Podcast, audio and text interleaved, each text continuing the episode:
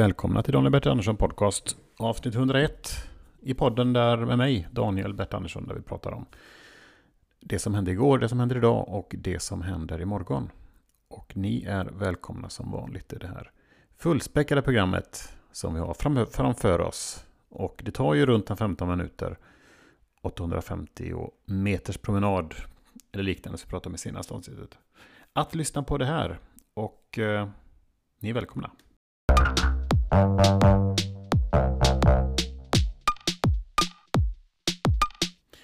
Jag har läst en ny bok.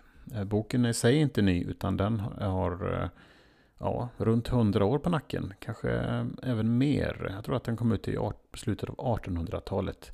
Det är Bram Stokers Dracula jag pratar om. Som har filmats och återgivits i bokform, i tv-spelform och Eh, ja, som teater är jag ganska säker på. Vad har vi mer? Återgetts i många, många sammanhang. Som leksaker till exempel. Utklädningsattiraljer. Vad är det mer den har kunnat återgivits som? Eh, stickers som man kan sätta på kylskåpet eller på sitt skåp i skolan. När man då, ja det har man väl från högstadiet, det börjar man med skåp just det. Och då kan man ha Dracula-stickor på det. Eh, hade man under vissa perioder så går ju upp och ner med popularitet med de här sakerna. Dracula är ju väl efter, nästan alltid, har ju liksom verkligen levt kvar precis som Dracula själv. Och historien kanske ni känner till. Det var då Vlad um, som verkade då i det som vi kallar Rumänien idag. Han, uh, enligt legenden, fick uh, evigt liv, tror jag det var. Och detta på grund av kärlek. Han offrade sig helt enkelt för att skydda sina kära. Och sen blev han då, såg han inte, tittade han inte långsiktigt. Han, kortsiktigt hittade han en lösning. Långsiktigt däremot eh, såg han inte riktigt vad det skulle innebära. Och sen hundratals år efteråt var det verkligen värt det. Det var det han funderade på. Men här kommer en liten recension av Bram Stokers Dracula.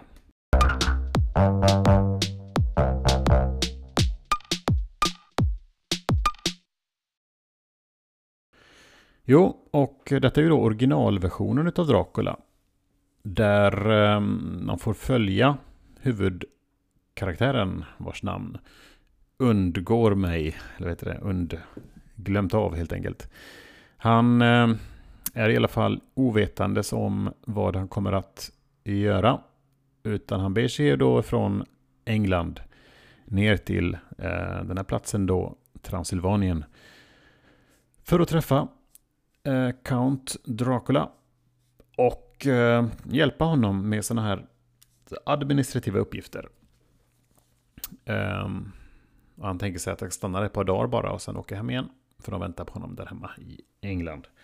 Men så blir det inte då, utan han blir, blir fast där, övertalad av Dracula själv att stanna kvar. Och så blir han ju då mer och mer insyltad i vad Dracula håller på med. Och det är ruskiga grejer. Den är ganska, alltså ruskiga grejer det är väl det att han han kör ju sin grej där va. Och um, då får den här killen från England uh, stanna kvar. Och så kan han inte rymma för det ligger så långt bort och det är ingen riktigt som vill komma nära. Så han får ju då skjuts i början, halvvägs. Uh, och den här droskan då, som det heter, den stannar halvvägs. Eh, uh, för han går själv sista biten. Och sen är det sådär att dörren öppnas automatiskt. Som vi sett i alla filmer. Eh, det gjorde de ju, nu har de ju specialdatorer och sånt för sådana specialeffekter just med att öppna dörrarna. Så det ser ut att det är automatiskt. Men förr i tiden så fanns det, gjorde man analogt. Och då hade man ofta fisklinor faktiskt. På den tiden fanns det ju inte fisklinor utav nylon. För man har eh, stålfisklina helt enkelt. Som man fick ha på samma färg som omgivningen. Så fick man se till att det var inte samma krispiga bild heller då för de första filmerna. Så då gick, kom man undan med det med liksom att ha fisklinor fast av metall då va.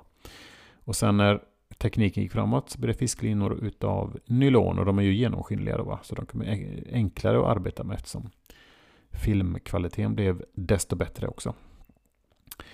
Sen kom man in där då va. Stannade där och eh, så kom han ut till slut. Och ärrad utav de här upplevelserna.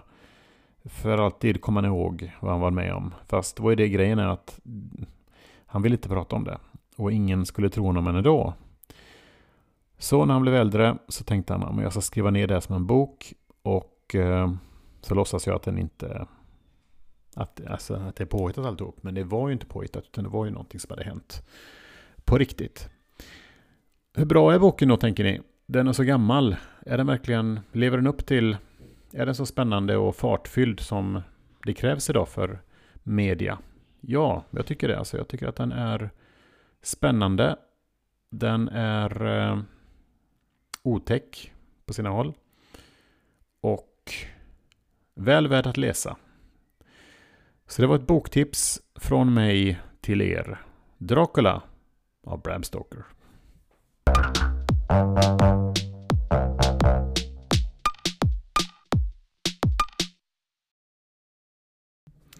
Jag tänkte prata om kost i detta segmentet. Kost, um, vad är kost?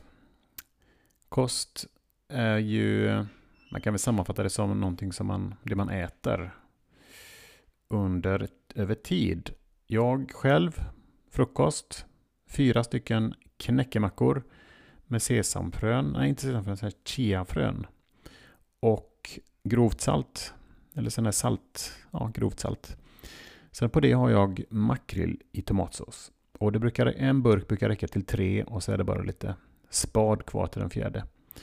Två löskokta ägg har jag. Hur kokar jag ägg undrar ni? Jo, först ska jag säga hur jag öppnar makrill, makrillburken. Det är så att jag, eh, jag sitter ju i det här röda plast, eh, det är ju tre stycken, man, man köper ett set av tre burkar röd plast runt. Så man får riva, lott, riva loss plasten. Jag brukar ta en vågtandad kniv och göra ett litet snitt i eh, paketet och så bryter jag ut. Och den gillar den när, man, när jag bryter ut paketet. Det är en skön känsla.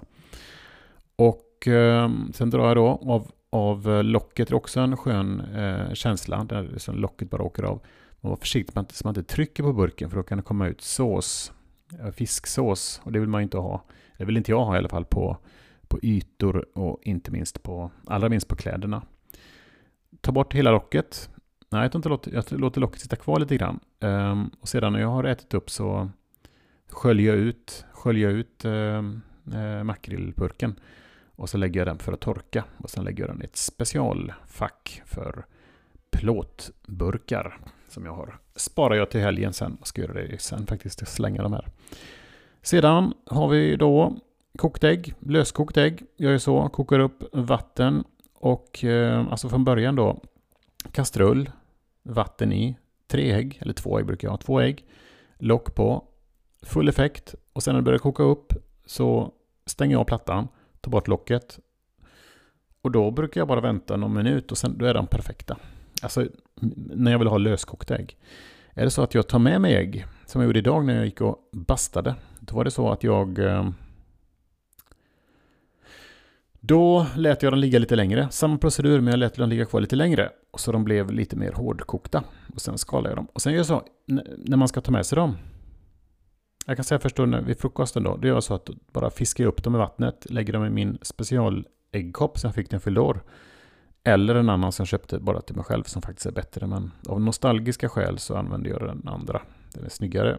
Det är det att den är lite liten. Ja. Och eh, så slår jag då, som farmor lärde mig faktiskt. Man slår med ett eh, sked. Med alltså långsidan på skeden. Ett gör man ett snitt. Och sen kör man ner skeden i ägget och så vänder man upp. Och så först äter man då som semla. Man äter toppen först. Eller jag gör det i alla fall. Sen eh, grovsalt i där och så äter jag. Två sådana. Och sen gör jag så att jag sparar en knäckemacka med makrillsås till sista. För att det är inte så gott med ägg och kaffe ihop. Så att jag tar makrill, knäckemacka. Och sen det sista dricka kaffe. För då är det en god känsla när man blandar den här makrillen och knäckebröd med kaffe. Kaffet avnjuter jag eh, i min fåtölj.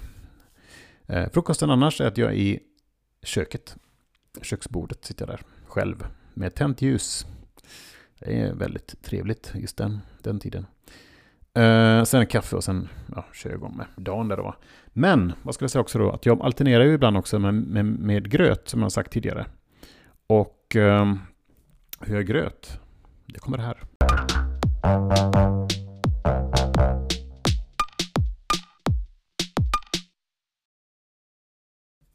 Gröten tillagar sig här. Jag tar en, en bunk, eh, bunke, vad heter det, eh, tallrik av till exempel, ja men vilken tallrik som helst, lite djup, djup tallrik. En deciliter vetemjöl, eller vete havregryn i där. Och sen är det två deciliter vatten här för mig. Sen smäller jag i bär, lägger i bär och salt, kanel och sen mikrar jag detta på två minuter, full effekt. Inte full effekt men om det finns fyra stycken styrkor så är det styrka tre av fyra. Och då brukar den bli perfekt och då tar jag ut den, lägger i lite olika frön, solrosfrön till exempel eller annat smör hemma. Och eh, mjölk. Och sen äter jag det. Plonk, det, det är väldigt gott. Ibland så äter jag, jag har en, en lång dag framför mig, alltihop. Tar jag hel makrill plus gröt, eller som en sån. Makrill, gröt, ägg, kaffe, frukost. Megafrukost då. Och eh, det står jag på mig på fram till lunch. Och till lunch vad äter jag då? Jo, då kan vara lite vad som helst, men det är ju mycket, väldigt lite carbs. Kolhydrater, inte så mycket. Lite måste ha lite grann, men inte så mycket. Och sen håller jag mig hela dagen. Det blir ett päron, eller ett äpple eller en banan framåt tretiden, sådär lunch är vid 11.30. Tretiden smäller i mig någonting. Kommer jag hem, äter klockan sex. Och sen på kvällen kan det vara, på kvällen kan det vara vad som helst då. Middag med familjen.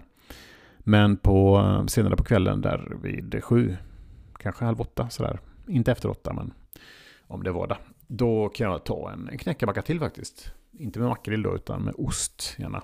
Och kaffe utan koffein, för det är någonting som jag har slutat med. Just med kaffe med koffein är någonting som jag... Eh, kaffe utan koffein dricker jag då efter klockan tre på eftermiddagen. För jag, eh, det påverkar tydligen då den här REMS, djupsömnen, REM. Det var ju det som gav upphov till band namnet REM som var REM med Michael Stipe och de här som var populära på 90-talet. Det var ju, när jag gick på gymnasiet så, så var det de som var populära. Det var ju ett band som eh, Alltså, jag ska ta det i nästa segment kanske, om REM, den amerikanska låtgruppen.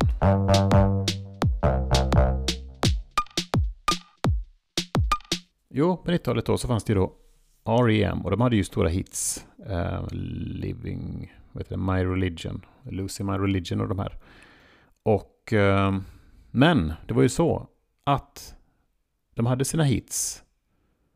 Sen gjorde de lite smalare musik lite längre fram senare på 90-talet och det var då som många sådana här, ja, mm, typ gymnasie ungdomar snappade upp för att det var lagom svårt och, och, och lagom tillgängligt. Um, det var inte för de riktigt få. Det var absolut inte för, det var inte för de, den stora massan, utan det var en grupp där som passade perfekt för REM. Och ehm, nu kommer jag inte ihåg de här låtarna, men eh, nu minns jag dem. Mm. Väldigt bra musik. Och om ni inte hört talas om R.E.M. så kolla upp. Och då får ni upp de här hittarna som jag pratade om nu då. Men det finns några låtar skivor på slutet som var eh, väldigt, väldigt bra.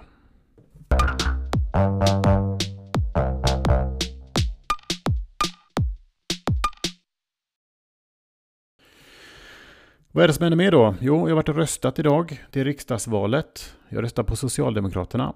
Eh, hymlar inte med det. Det är ju eh, lite känsligt, tror jag fortfarande. Jag vet inte. Men i alla fall var det något roligt som hände idag i bastun. Eh, där satt ju då, det är ju ganska blandat i åldrar och, och eh, bakgrund och allting. Man har gemensamt då att man tycker om att sänka sig ner i kallt vatten med salt och sen sitta i varm bastu med rök, rökig, rökig. Det luktar gott, det är inte så att det ryker i bastun, men det luktar, det luktar ju som träkol och det är väldigt trevligt. Och där sitter man och pratar om allt möjligt och det som händer just nu. Och nu är det ju val, då pratas det en del om det. Och eh, två äldre herrar satt där och pratade. Och um, den ena sa, eh, ja det är ju inte lätt, eh, vad ska man rösta på, vilka är snällast? Och så skrattade jag också, för det var en ganska kul kommentar. Man ska rösta på de som är snällast. Och så var det en, en kille som satt i hörnet där på andra sidan i bastun och eh, eh, sa det då. Han, först satt han i lotusställning och mediterade. Eh, långt svart hår och eh, såg ut att ta vara på sig själv kroppsligt och mentalt. Um, la sig i debatten då och sa att, um, att ja, Sverige är då så sekulärt. Och många av problemen som vi har idag beror på att man inte har andlig närhet. Stora frågor som eh, vi inte har besvarat. Och han gick in i ett resonemang som var liksom kanske lite för högt, hög nivå. Eh, just det tillfället. Och då sa en gubbe då, ja men när jag gick i skolan och konfirmerade mig så fick jag reda på att Gud gick på vatten. Och det har jag inte sett något bevis på än. Och så skrattade han då. Um, och det tycker jag var så himla av. Och sen uh, tänkte jag då att den här unge mannen i lotusställning skulle ge upp. Men det gjorde han inte, utan han, eh, han körde på. Fortsatt resonemang där in i kaklet. Så körde över liksom sina motståndare som hade liksom bara gett upp. De hade checkat ut för länge sedan. Nu pratade de om utombordare och när åker man eh, till Travemünde eh, på, på bästa sätt. Eh, han malde på det. Sen gick han ut och det, det roliga var att han sprang ut på bryggan och, och gjorde en sån kanonkula i vattnet. Och Alltså, först och främst står det en stor skylt. Eh, badning sker på egen risk. Och eh, det kan vara lite halt och det är inte så superdjupt där heller. Jag tänkte det var en sån här avreageringsmanöver han tog till. Han var så trött på de här som aldrig kan lyssna på hans tankar som man får där man sitter i lotusställning och formulerar som låter så fina där inuti hans eh, eh, vågiga hår. Och så för av, av, göra sig av med den här stressen då så gjorde han denna kanonkulan för att lite komma på andra tankar. Inte straffa sig själv, så långt tror jag inte det gick men han, eh, det var ett, ett, ett kraftuttryck för att tänka ah, nu, han, nu blir det sådär igen. Så kan det gå.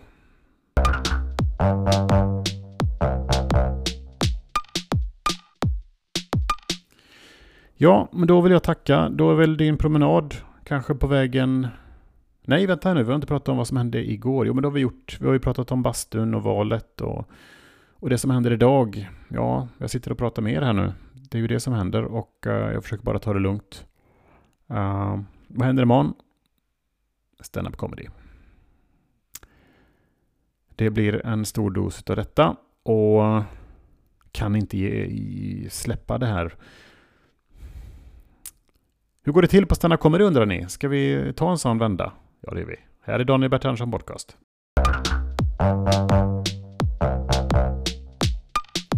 Ja, det finns inte så mycket att säga egentligen. Det, alltså, jag brukar åka dit, jag har pratat om det här tidigare tror jag, men man kommer in då. Det finns ju alltid någon typ av loge och den logen kan ju vara bakom ett draperi och en bar som inte används just då. Man får stå upp eller sitta på en liten, liten kant som sticker ut någonstans. Ibland finns det ju riktiga loger då. Och det brukar ofta vara jävligt nedsutta, suttna, ursäkta jag svor där. Mycket nedsuttna soffor. Så man bara, man sätter sig ner så tänker man att soffan är där, men så visar det sig att man sjunker ner en halv meter till. Som när man tror att det är ett extra trappsteg man ska gå i, men så var det inget trappsteg. Liksom. Lite så är det. Man bara... Sådana soffor har de ofta. Det eh, brukar ofta vara ett, ett, eh, någon typ av bord hanterade bord. Sen fest, dagen efter fest, alltså fest, festbord utan glas på. Och så har de på vissa ställen finns det mat och, och sånt man får också. Och dryck. Som jag aldrig brukar ta. Häromdagen så tog jag faktiskt eh, en Pepsi Max innan jag gick upp på scen. Det är grejer som jag ska göra nu. Dricka en Pepsi, Pe Pepsi eller någon sån här Cola innan för man får en liten energiskjuts. Och så kan jag, jag som inte dricker sånt annars, kan jag inte sova sen på hela kvällen och blir jättetrött dagen efter. Men det är en sån här energikick man behöver. Sen står man ju där, det är inte så mycket att prata om detta faktiskt. Det är, man går upp på scen och sen kör man. Och sen vill jag gärna åka hem och um, ha det gött. Men vi tror vi avslutar där faktiskt. Vi, vi säger så allihop och så hörs vi nästa vecka och till dess får ni ha det så himla bra. önskar jag här från Daniel Bert Andersson Podcast. Tack, hej!